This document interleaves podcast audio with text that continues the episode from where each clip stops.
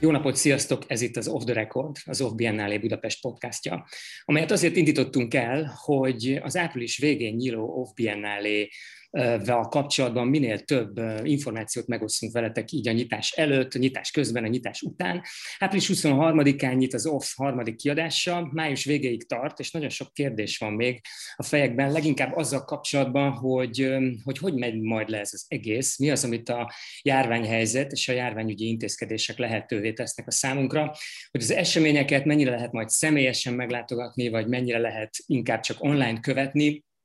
és ez már csak azért is egy releváns kérdés a mai napon, mert hogy két olyan projektet szeretnénk bemutatni ma, amelyek kiállítási formában valósulnak meg majd. Hogy ezekre a kiállításokra személyesen el lehet-e menni, vagy online lehet a kiállításokat majd megnézni, ez egy, ez egy bizonytalansági tényező ebben a pillanatban. Egy biztos, hogy az OFF mind a kettőt megvalósítja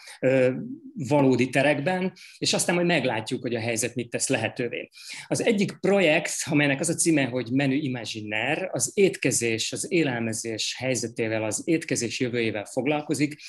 és a másik projekt is egy olyan kérdést tematizál, ami tulajdonképpen gazdasági, társadalmi szempontból rendkívül releváns, és a kettő között azt hiszem talán ki is mutatható némi azonosság, vagy legalábbis átfedés, ez majd ki fog derülni a következő percekben. A másik projektnek az a címe, hogy egy automatizált jelen allegóriái, és annak ellenére, hogy ez egy ilyen poétikus cím,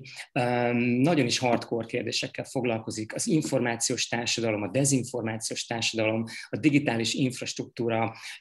a, mink, a minket mindenhonnan behálózó adatalapú gazdaság, a megfigyelés társadalma. Számos olyan kérdést vet fel ez a projekt, amelyek, amelyek abszolút relevánsak. A projekt Vladán Joler nevéhez fűződik, aki médiakutató és képzőművész. A menü Imaginer pedig, amelyet az elején említettem, egy csoportos kiállítás formájában képzeli el magát. Ma erről a két projektről beszélgetünk, és itt is van velünk a projektek egy-egy képviselője, a menü Imaginer részéről Szalipszki Judit kurátor, aki egyébként a Trafóban dolgozik, amúgy pedig a menü Imaginer kurátora. Szia Judit! Sziasztok! Vladán Joler projektjét pedig Nolaszko Rózsás Lívia képviseli, aki szintén kurátor, és hogyha igaz, akkor Németországból kapcsolódik be ebbe a beszélgetésbe. Szia, Lívia! Igaz. Sziasztok! Honnan is egész pontosan? Karlsruhe-ból. És, és te mit csinálsz Karlsruhe-ban? Hát itt a Centrum für Kunst und Medienben dolgozom, ami CETKÁM-ként ismeretes inkább nemzetközi szinten. Akit pedig meghívtunk még beszélgető társként ehhez a mai podcast adáshoz, Kis Gabriella, közgazdász, egyetemi docens a Corvinusról. Szia, Gabi! Sziasztok! elsődlegesen fenntarthatósági kérdésekkel és részvételi alapú döntéshozatallal foglalkozik, és azért hívtuk el, hogy közösen tudjunk valamilyen fajta társadalmi, gazdasági, akár politikai kontextust is felrajzolni a projektek köré. Vágjunk is bele, én a menü Imaginerrel kezdeném, hogyha ez így mindenkinek rendben van, mert csak azért is, mert ez, a, ez az elnevezés ez olyan, mintha egy Michelin csillagos étteremről beszélnénk. Um, hogy kell elképzelni, ami majd megvalósul a menü Imaginer keretei közötti valódi um, fogyasztani valót kínáltok majd föl a látogatóknak vagy a résztvevőknek?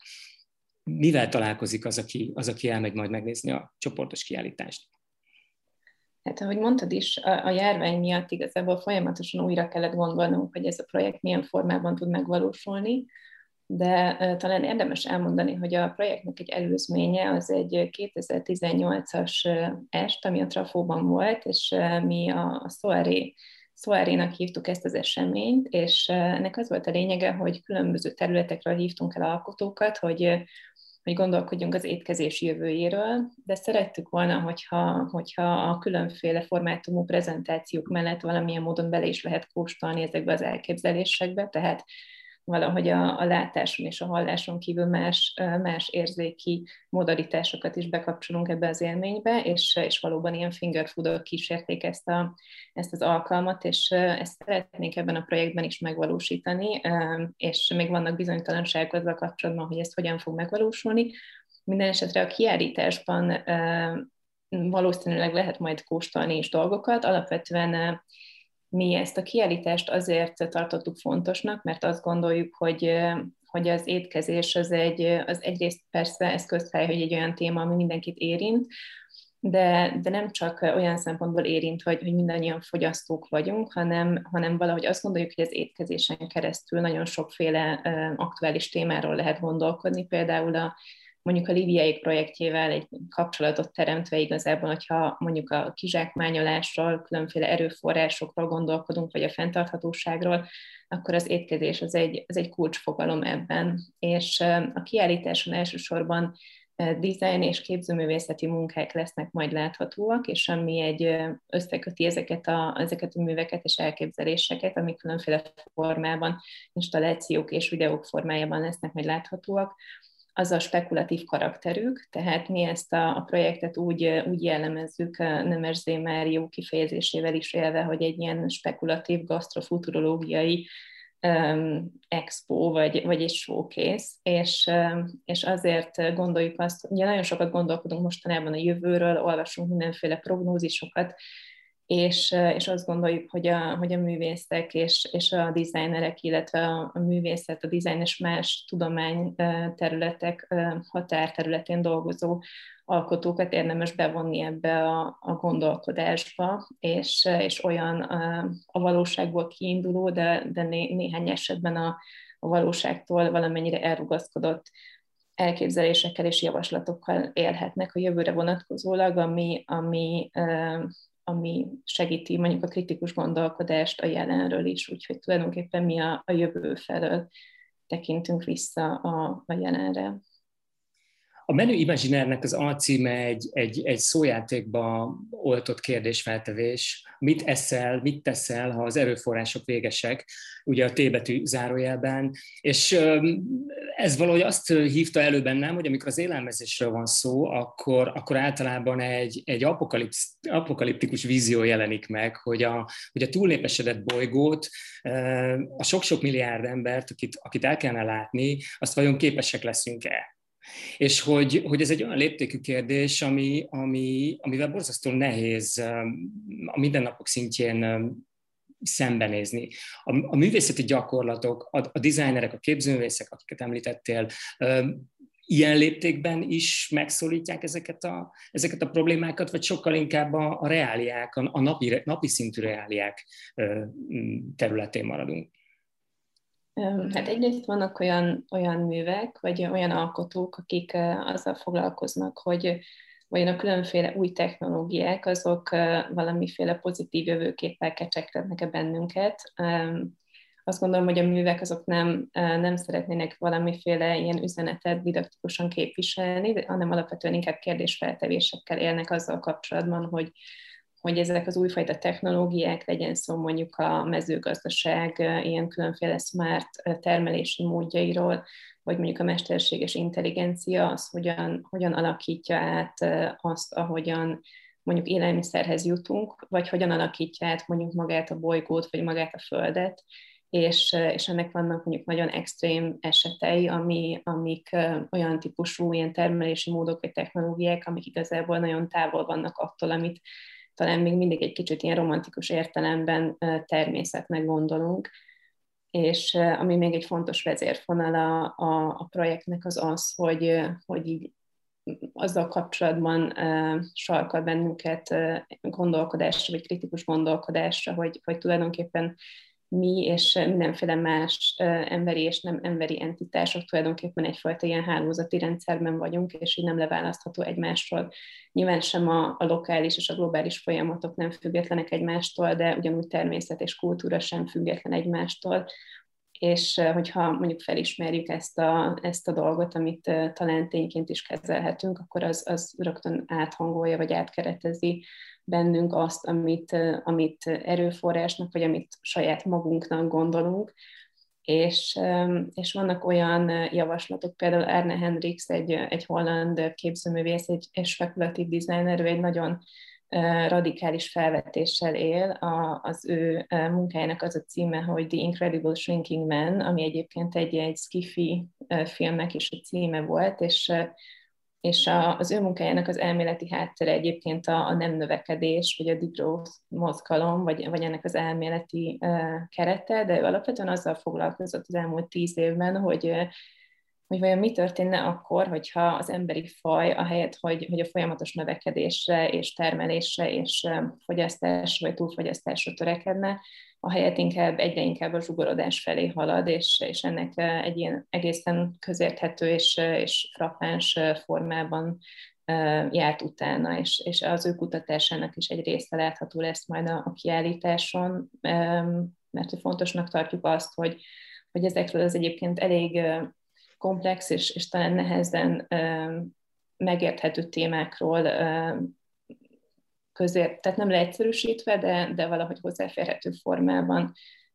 kommunikáljunk, vagy fontosnak tartottuk azt, hogy ilyen, ilyen projekteket is, is meghívunk, amik, amiket, amikről úgy gondoljuk, hogy képesek erre. Sok minden elhangzott most abban, amit mondtál, ami, ami földobná a labdát Liviáék projektje felé is, de még mielőtt oda passzolnánk a labdát, Gabrielához fordulnék, mert hogy itt azért elhangzott néhány olyan kulcs szó, amely, amelyel kapcsolatban azt gondolnám, hogy, hogy, hogy te hozzá tudsz adni az összképhez sok mindent.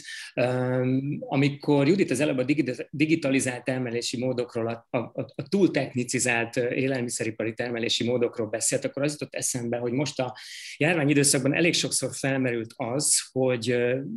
hogy mit csinálnak a holland parasztok, mert hogy a holland parasztok leginkább most otthon ülnek, és a kompjúterükön keresztül irányítják a, az üvegházat, amelyben a paradicsomok szépen maguktól nőnek, a gépek leszedik őket, elrakják valahova, ezek a dobozok aztán egy bonyolult logikai rendszeren át eljutnak a nagykerig, majd a kiskerig, aztán a mi asztalunkra, úgy emberi kéz érintése nélkül, és hogy, hogy ennek a járvány időszakban nyilván van jelentősége, de hogy, hogy, a, hogy a folyamatosan elénk állított példa erre a fajta, erre a fajta abszolút technicizált, az embertől elszakadó termelési módra, hogy ez tényleg olyan jó-e. És hogy ez lesz-e az, ami, ami, ami megoldást jelent sok mindenre, ami a világélelmezéshez hozzátartozó probléma. Nagyon jó kérdés, de én most ilyen röviden biztos nem fogom megválaszolni, hogy ez megoldja a világélelmezési problémát de, de hogy szerintem ez az egész élelmiszertermelés, ez, ez annyira jól leképezi, ahogy Judit is említett ezt, hogy, hogy a természetnek, meg a társadalomnak, a gazdaságnak milyen az egymáshoz való viszonya, hogy a természet az csak egy ilyen romanticizált valami, ami még létezik valahol, vagy, vagy pedig ehhez hogyan tudunk kapcsolódni, hogyan gondolunk rá, amikor például mezőgazdasági termelésről beszélgetünk, hogy ki, aláz, ki, ki, ki viseltetik alázattal a másik iránt, és hogy például a, a természetet azt, azt így a társadalom egy részének tekintjük, vagy a gazdaság egy szeletének tekintjük, vagy pedig azt gondoljuk, hogy mi emberek és a mi társadalmunk szelete ennek az egésznek, és egy szelete ennek a,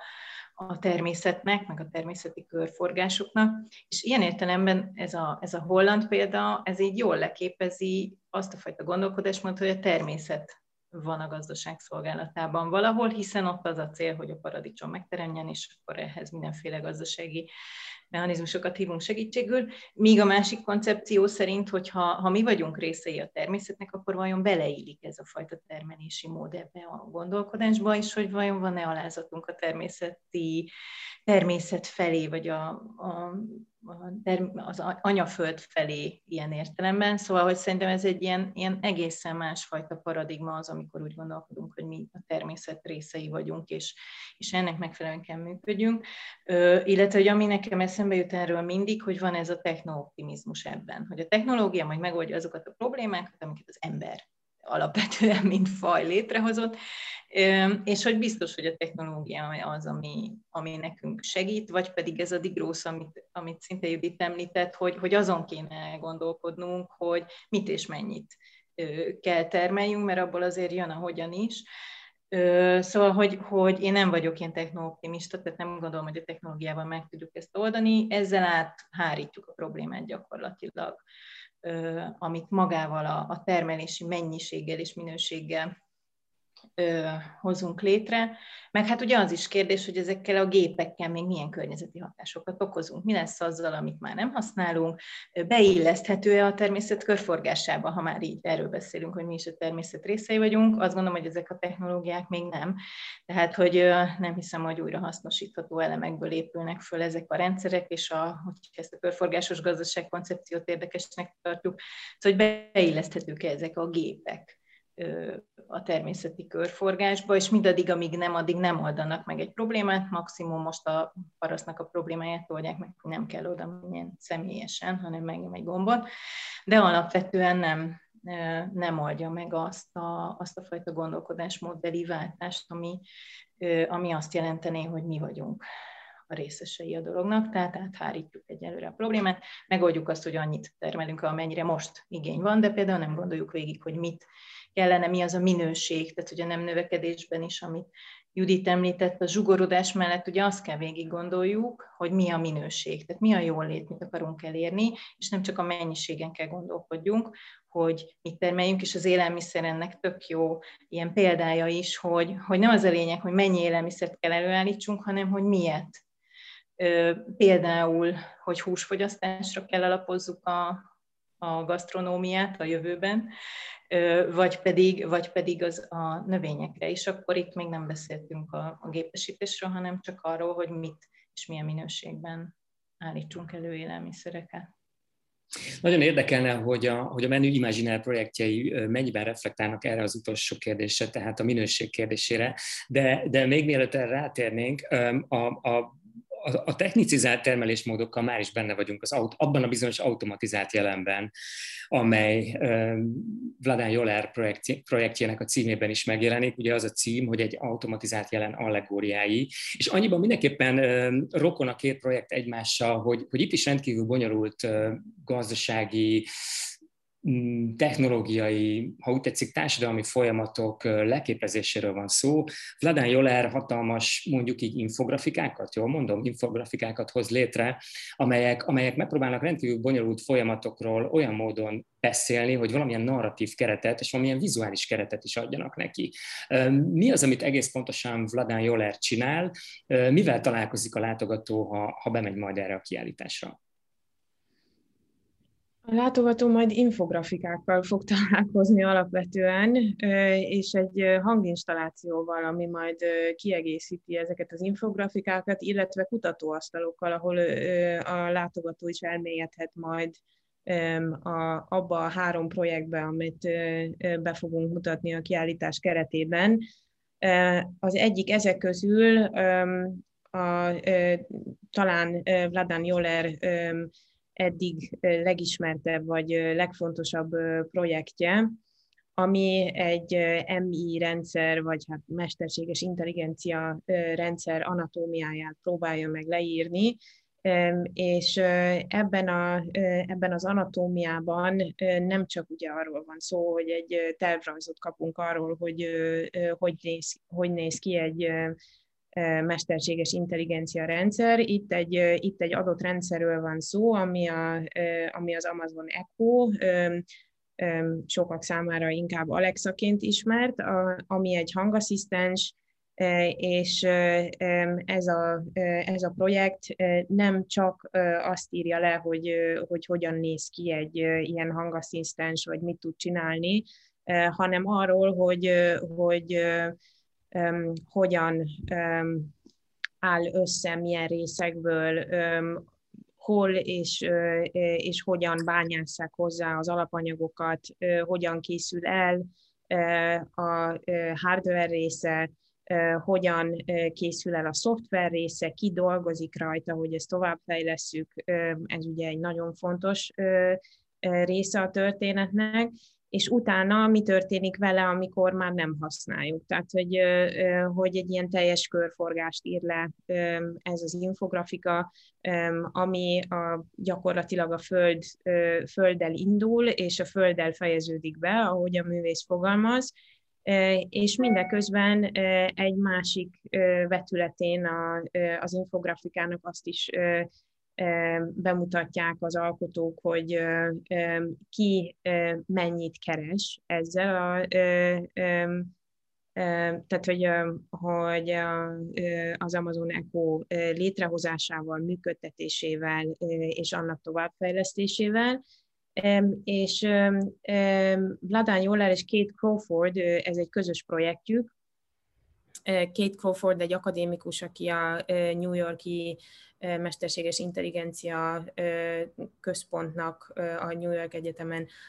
az egyik alapítója és vezetője, és és ő írta azt az eszét, ami a projekthez tartozik, és kettejük úgy fogalmaztak, hogy, tehát, hogy extraktivizmusnak nevezték el azt a jelenséget, ami ami végül is ennek a, ennek a mesterséges intelligencia rendszernek a továbbfejlesztését biztosítja. Ugyanis az történik alapvetően, hogy miközben mi beszélünk a saját hangasszisztensünkkel, egyben tovább is fejlesztjük azt, anélkül, hogy tudnánk erről, és anélkül, hogy bárki munkaként könyvelné el ezt a gyakorlatilag fejlesztői munkát, és, és ez egy gyakorlatilag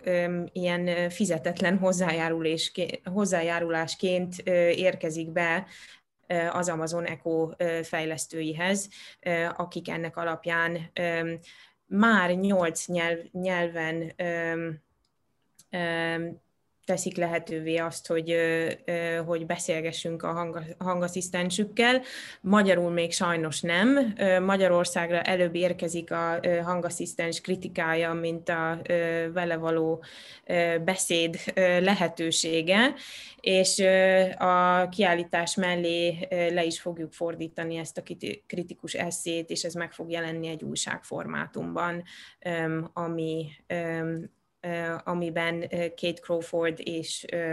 eszéje és Vladan Joler grafikái lesznek majd benne.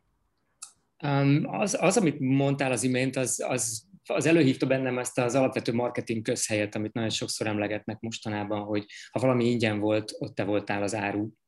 Tehát, hogy, hogy ez, a fajta, az a fajta akaratlan közreműködés, amiről az, az imént beszéltél, hogy a, azzal, hogy, azzal, hogy beszélünk a hangasszisztenshez, továbbfejlesztjük is, és tovább finomítjuk is ezt a rendszert, ez valahogy, valahogy felveti azt a kérdést is, hogy, hogy ebben az egészben hol foglal helyet az ember. És hogyha, hogyha Vladán Joler és munkatársai eszéit, illetve, illetve vizualizációit megnézzük, akkor ott időnként előfordulnak ilyen antropomorf figurák is, és, és azok el tűnődni, hogy ebben a, ebben a vonatkozási rendszerben ez az antropomorf figura egyre kevésbé egy antropológiailag értelmezhető lény, hanem sokkal inkább egy fogyasztó és valamilyen fajta adathalmaz. Szóval mennyiben gondolkodik el ez a, ez, ez a borzasztó izgalmas projekt, amit most föl, fölvázoltál, mennyiben gondolkodik el az ember helyzetéről ebben az egészben? Hát abszolút, és, és azt gondolom, hogy egy tehát végül is a gondolati gyökere az nagyon hasonló a menü imaginer irányvonalához, vagy, vagy hát ahhoz a háttérhez, amire végül is mindkét projekt alapszik, mert itt is, itt is nagyon fontos az az észrevétel, hogy, hogy a természetet nem szabad a 21. század folyamán egy ilyen romantikus, távollévő embertől különálló entitásnak elgondolni, hanem ezt nevezhetjük végül is modern elképzelésnek, tehát hogy egy ilyen modern klasszifikációnak, ami szerint a, az ember és az ember által teremtett kultúra és technológia egy, egy entitást képez, és az összes többi meg a természet. Tehát, hogy, hogy ez az, ami, ami egyáltalán nem működik. Úgyhogy, úgyhogy erre kíván egy alternatívát, tehát egy gondolati alternatívát felvázolni a mesterséges intelligencia kritikája mentén Vladán Jóler és a vele közreműködők. Hogyha már az ő személyét szóba hoztad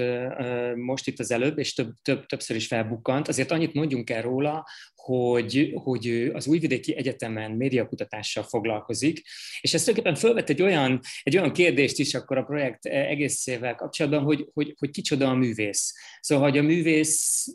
a hagyományos művész szerepben más, másfajta, másfajta gyakorlatokat értettünk bele. A művész az, aki, az, aki kutat, a művész az aki, az, aki azt a sokféle tudást, amit most felmerült, és azt a sokféle kutatási irányt, azt mind behozza egy térbe, mind össze tudja sűríteni egy munkába. Hogyan lehetne mondjuk Vladán Joller szerepét ebben az egészben leírni? Azt azért hozzátenném még, bocsánat, hogyha minden jól megy, akkor vele egy beszélgetést is tud majd szervezni az OFF a Biennale ideje alatt, leginkább online formában én azt gondolom, de hogy, de hogy dolgozunk azon, hogy ez létrejöjjön. Szóval kicsoda ő, és, és hogyan képzeljük el a szerepét ebben a, ebben a munkában? Hát az ő szerepe ebben a munkában alapvetően kulcsfontosságú, és, és ő az, aki összehozza azokat a különböző akadémikusokat, és ugyanakkor referenciákat is, amik, amik ezeknek a projekteknek az alapját jelentik. És ő az, aki aki előállt azzal az ötlettel, hogy, hogy az Amazon Echo-ról egy kritikai interpretációt létre kell hozni, és ezt valahogyan vizualizálni kell. Ő az, aki a Share Lab-nek a, az egyik alapítója és kutatója is egyben, ahol szintén más kutatókkal együtt az információs technológia infrastruktúrájáról szóló kutatási projektek folynak, és ezek megjelennek online és természetesen offline is, különböző felületeken és publikációkban. És gyakorlatilag az ő művészeti munkája egy ilyen, egy ilyen technoaktivizmusban érhető tetten, amit, amit nem úgy kell elképzelni, hogy kivonul az utcára, és transzparenseket tart a feje fölé, amire rá van írva, hogy le a kompjúterekkel, hanem inkább ezt így sokkal finomabban próbálja, próbálja meg közérthetően elmagyarázni, vagy pontosabban inkább vizualizálni, és, és megpróbálja ezeket a láthatatlan rendszereket láthatóvá tenni, amik végül is az információs technológia alapját képezik. Gabi, kutatóként, oktatóként, közgazdászként számodra mondjuk mennyire elképzelhető az, hogy hogy egy művészi interpretáció, egy kortárs művészeti input hozzá tud adni akár a, akár a tudományos kutatáshoz is. Tehát, hogyha ez fordítva működik, hogyha a tudományos kutatás behozható a művészet terébe, hogyha a kortárs művészet illetékességi körét ki lehet erre terjeszteni, akkor ez, akkor ez működhette abba az irányba is, ahol mondjuk te foglalsz helyet. Nagyon köszi ezt a kérdést. Én közben végig azon gondolkoztam, hogy megkérdezted, hogy mi a művésznek a szerepe, de én közben azon gondolkoztam, hogy és mi a tudósnak a szerepe, és hogy, hogy, hogy ez elválasztható egy, egyáltalán ebben a projektben egymástól, mert azt érzékem, hogy nem, tehát hogy a művész az, az tudós is, és hogy, hogy amiről az előbb beszéltünk, hogy így a természeti környezetet azt lehet egy ilyen individumként, különállóként értelmezni, akkor most azt gondolom, hogy a társadalmon belül ez is egy érdekes kérdés, hogy akkor a művészet, majd a tudomány, ezek ilyen önálló buborékok, azt gondolom, hogy ezekben a koncepcióban pont azt gondoljuk, hogy nem, és hogy, hogy a tudomány szerepe az teljesen változik. Tehát, hogy, hogy ez az elefántcsont toronyba elzárt kutatók, akik ott ülnek és megmondják, hogy mi van a társadalomban, meg a gazdaságban, az már egy nem működő koncepció, és ez szerintem iszonyatosan izgalmas ez a fajta együttműködés a, a tudomány és a művészetek között, ami egyrésztről a, a tudóst is lehozza az elefántcsont toronyból, és a társadalomban egy ilyen aktív taggá, még az aktivizmus ugye nem is ezt a transzparens tüntetést jelenti, de hogy aktív taggá teszi, és ezzel ezt a semleges, kívülről szemlélődő nézőpontot egy, így átalakítja egy ilyen aktív, cselekvő nézőponttá, és szerintem a művészet ez is az egyik ilyen manifestáció. Ennek persze lehet ez mondjuk részvételi aktokutatás, hogy én, én megyek dolgozni a társadalomért a saját munkámmal, vagy pedig az, hogy valami művészet irányzattal még több embert érek el azzal a fajta tudással, ami, ami mondjuk egy, egy egyetemen vagy egy bármiféle lebben meg termelődik, rétrejön, vagy egyáltalán van a fejünkben, és hogy ez mennyire fontos, hogy a társadalom miért, vagy a társadalommal együtt történjen a tudomány maga is, és hogy a művészet ebben egy ilyen nagyon izgalmas szerepet játszik. Ilyen, ilyen hasonló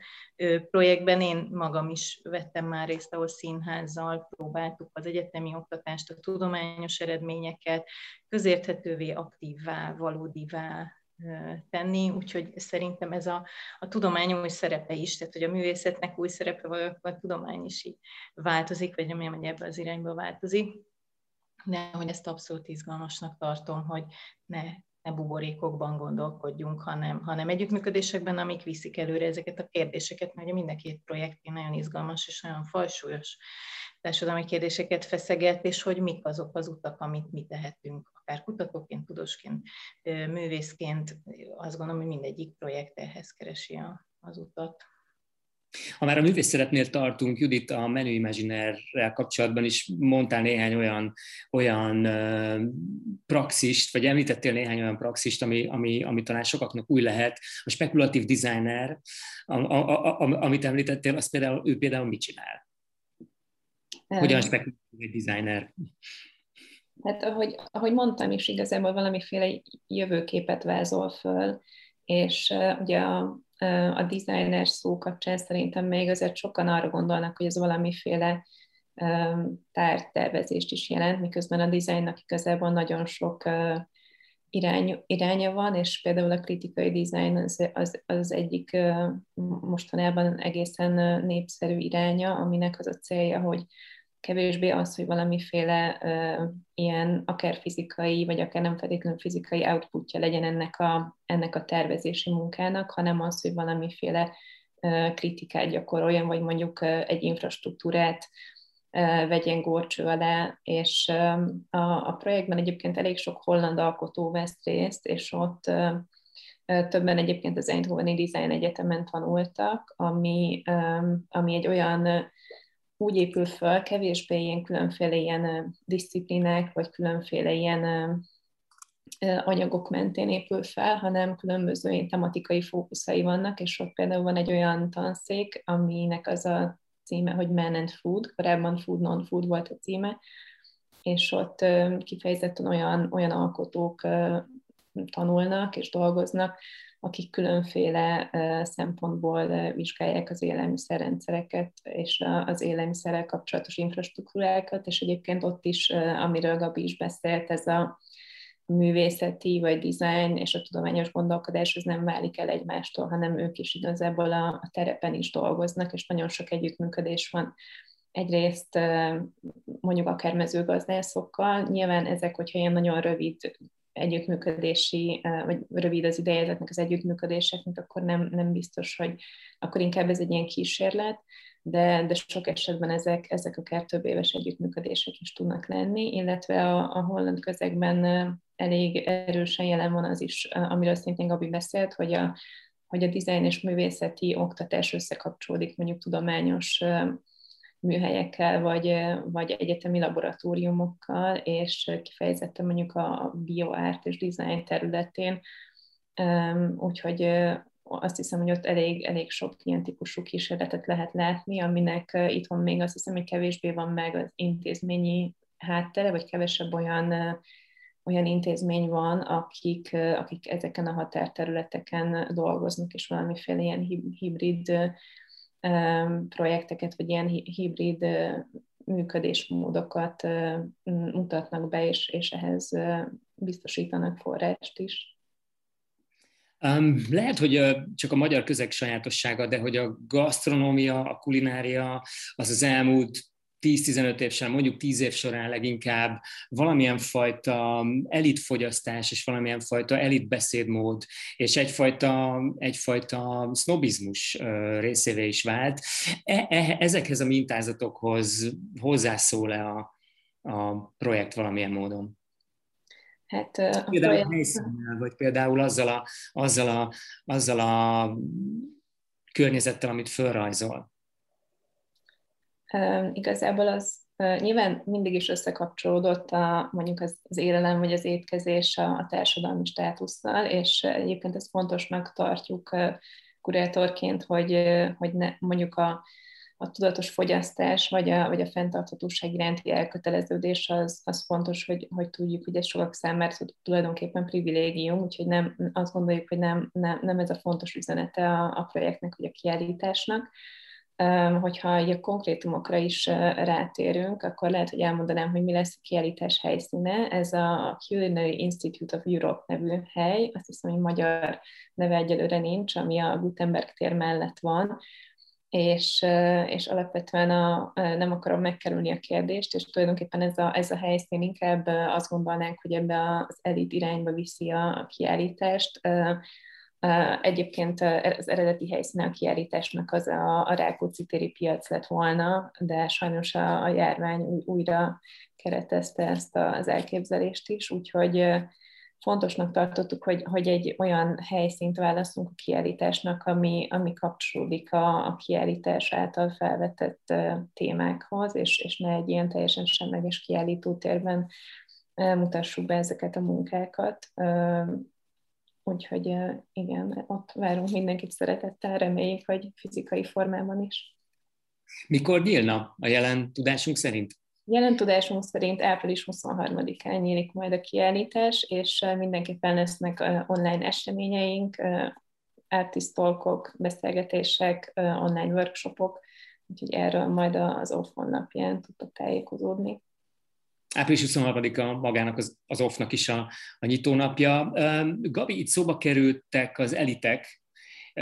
ami, ami, ami, ami felhozza a, a hozzáférés kérdését is, és azt hiszem, hogyha, hogyha az élelmezésről beszélünk, akkor, akkor nem, lehet, nem lehet eltekinteni ennek az egésznek a, a, a nagyon súlyos társadalmi, politikai um,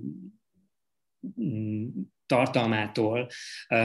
hogy, hogy hát ugye, ha, ha evésről beszélünk, akkor az éhezésről is beszélni kell, mert hogy, mert hogy ezek komplementerek. Um, de ebben a fajta, ebben a fajta jövőorientált, kutatás orientált művészeti projektben látod-e azt, hogy ez valamilyen módon hozzá tud adni akár, a, akár az éhezés megszüntetéséről való gondolkodáshoz is? Olyan nehéz kérdés. Anélkül, hogy láttad volna. A beszélgetésben a jövőt illetően, nyilván én azt gondolom, hogy hogy minden olyan gondolat, ami, ami ilyen súlyos, súlyos ö, problémáknak a megoldása felé visz, és ez, ez tudományos vagy művészeti úton, az, az mindig, mindig viszi előre a, az embereket, hogy, hogy erről közösen gondolkodjanak, mert hogy én azt gondolom, hogy ezek a, ezekben a kérdésekben nem feltétlen felül kell mindig eldöntsék fejünk fölött, hogy mi fog történni, hanem, hanem hogyha közösen tudunk gondolkodni, akkor sok, ez alulról jövő kezdeményezéseknek nagyon sok tere lehet, és nagyon sok lehetőséget biztosítanak ilyen, ilyen súlyos, vagy fajsúlyos kérdésekben is, ami nem biztos, hogy feltétlenül ott keressük mindig a megoldást,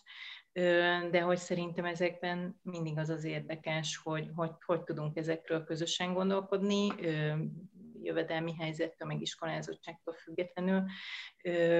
és hogyha ennek van, van terepe, és mondjuk egy ilyen piac tök jó hely arra, hogy ilyen kis csicsetek kialakuljanak bármilyen témában, akkor, akkor az, az, az el tud indítani ilyen, ilyen megoldási lehetőségeket, amik nem felülről gazdasági politikai elittől jönnek. Csak hogyha jól értem, azért a, azért a, a nagy problémák megszüntetése az mindig, vagy, vagy a, a törekvés a nagy problémák megszüntetésére azért, azért mindig politikai akarat kérdése is. Um, mi, mi, mi a helyzet ezzel? Nyilván nagyon nehéz erről, erről ilyen röviden dióhéjba beszélni, de, de de szeretném, hogyha még ez is szóba kerülne az élelmezés kapcsán. Szóval, hogy, hogy pörög a számláló, egyre többen és többen vagyunk a Földön, és, és hát, hogy mondjam, ezzel a helyzettel kezdeni kell valamit olyan szempontból is, hogy, hogy az erőforrások és egyáltalán az élelem eloszlása az valahogy, valahogy igazságosabb legyen itt Európában, annak ellenére, hogy, hogy gyakorlatilag leáll a gazdaság, mégsem néz szembe senki azzal, hogy, hogy vagy nagyon-nagyon kevesen azzal, hogy éhezniük kelljen, de hogy ez másuk nincs így. Hát én azt gondolom, hogy ez a jelenlegi válsághelyzet, ez egy csomó ilyen sérülékenységre hívta fel a figyelmet, tehát hogy a globális ellátási láncok mentén szerveződő élelmiszerellátás az egy rendkívül sérülékeny történet, és ugye főként Magyarországon ez a tavaly márciusi helyzet volt, ami, ami erre nagyon élesen rávilágított, és ez látszik is, hogy ez, ez azóta hottopik a, a logisztika ellátási lánc globális szintű beszélgetésekben is, és, és ami nagyon látszik Magyarországon, hogy mi volt erre a válaszreakció, az, hogy az ilyen rövid ellátási láncú dolgok, azok iszonyúan felértékelődtek, és a fogyasztó egy ilyen ugyan lépéskényszerben, de e felé fordultak nagyon sokan, hogy közvetlenül a gazdától és a termelőtől kezdtek el vásárolni, amik létező történetek voltak eddig is, csak hát ugye ez a válsághelyzet, ez erre irányítja a figyelmet, és, a, és az, hogy egy, egy globális ellátási, ellátási láncban, hogyha történik valami defektus, akkor ugye nem fog tudni megvenni a kínai fokhagymát, ahogy eddig, és nem annyiért tudom megvenni a kínai fokhagymát, ahogy eddig de hogy ennek az árnak is ugye van egy ilyen, ilyen mögöttes tartalma, hogy miért, miért kerül annyiba ez a kínai fokhagyma Magyarországon, és, és szerintem ebben, ebben nagyon nagy elmozdulás van, tehát ez a lokális termelés, az eddig is nagyon hangsúlyos volt az EU-ban, de hát ugye tudjuk, hogy a nagy cégek nyilván nem mentén működtek eddig sem, Viszont ezek a fajta kockázatok, amik most megjelentek az élelmiszerellátásban, ezek nagyon elmozdítják ezt. Ugye az EU-ban is ez a szántóföldtől a fogyasztóig koncepció uralkodik most az élelmiszertermésben, és ez a fenntarthatóság felé viszi ezt a rendszert. Tehát, hogy van egy ilyen, ilyen felső szintű politikai gondolkodás is, ami a jogszabályok szintjén is ezt a koncepciót most már előtérbe helyezi, amik, amik segíthetik ezt, hogy, hogy akkor a helyi, helyi dolgok, az átlátható ellátási lánc, tudjam, hogy honnan érkezik az az élelmiszer, ezek előtérbe kerülnek. Hogy ez megoldja a világon az éhezést, azt nem tudom, de hogy, hogy, hogy az EU-s szinten ezek nagyon hangsúlyos folyamatok, és ezek felső politikai irányvonalak, amik felé megyünk most. Lívia, itt a vége fele mondjuk néhány konkrétumot a, az egy automatizált jelen allegóriái projektről is. Hol és mikor valósul meg? Még mielőtt konkrétumokat mondanék, még hadd reagáljak két mondatban ö, arra, hogy, ö, hogy mi a szerepe az információs technológiának ebben, a, ö, ebben az egészben, mert ugye a válság vagy a pandémia ö, eléggé befolyásolta az erről való gondolkodást is, is illetve azt is, hogy, hogy milyen, milyen, milyen irányban fejleszthető ez tovább, és hogy milyen szerepe van a mindennapi életünkben. Most is Zoomon keresztül beszélgetünk egymással, tehát hogy, hogy ez a beszélgetés nem jöhetett volna létre, hogyha nem épült volna már ki egy globális infrastruktúra, ami, amire nem feltétlenül amiről nem feltétlenül gondolkodunk eleget a mindennapi életünk folyamán, mert csak használjuk ezt, a, ezt az egész infrastruktúrát, és pontosan ez a célja ennek a kiállításnak, hogy, hogy ne csak eszközként tekintsünk, meg egy, meg egy néma infrastruktúraként az, inform, az információs technológia által fejlesztett eszközökre és, és szoftverre, hanem, hanem hogy kritikusan szemléljük ezt, és, és ha minden igaz, akkor az Óbudai gázgyár elektromos központjában lesz a kiállítás, és mármint a kiállítás az ott lesz, a kérdés az az, hogy látogatható lesz-e, és ami egyébként egy csodálatos mementója ennek az egész történetnek, mert ugye ha áram van, akkor minden van, és és az elektromos központ egy ipari műemlék egyébként, amit mindenképpen érdemes megnézni, hogyha meg Vladán Joller kiállítása van benne, akkor meg végképp érdemes megnézni. Április 23-án nyílik a kiállítás az Off együtt, és hétvégénként szeretnénk mindenképpen nyitva tartani, és csütörtökön és pénteken is, reméljük, hogy ez sikerülni fog. Ezen kívül mi is tervezünk online kísérőeseményeket. Magyarul Black Box látható és láthatatlan a hálózati technológia korában címmel fog Schneider Ákos, a MOME oktatója a kiállításról beszélni egy előadás keretében május 14-én 18 órakor. Ezen kívül remélhetőleg május 21-én fogunk Vladán Jolerrel, és, és hogyha sikerül, akkor Kate Crawforddal beszélgetni, kifejezetten a közös projektjükről, az egy emmi rendszer anatómiájáról, és hát, hogyha lehetséges, akkor igyekszünk majd állatvezetéseket is tartani. Nagyon köszönöm az információkat is, és nagyon köszönöm mindenkinek a ránk szánt időt és a részvételt. Én nagyon remélem, hogy minden úgy valósul meg, ahogy az el lett képzelve. Április 23 már nincs olyan nagyon messze, de azért még elég messze van ahhoz, hogy talán a helyzet javulhat addig. Május végéig pedig, pedig, pedig, pedig akár vissza is állhat az élet az eredeti kerékvágásba, ha van ilyen, vagy, vagy ha jó, ha visszaáll, vagy jó, hogy visszaáll egyáltalán, ezt nem tudom, de minden esetre talán lehetővé válik, hogy egy-egy ilyen kiállítást meg lehessen nézni személyesen is. Köszönöm szépen nektek, ez volt az Off the Record, jelentkezünk még, viszhal. Sziasztok! Thank you. Apple.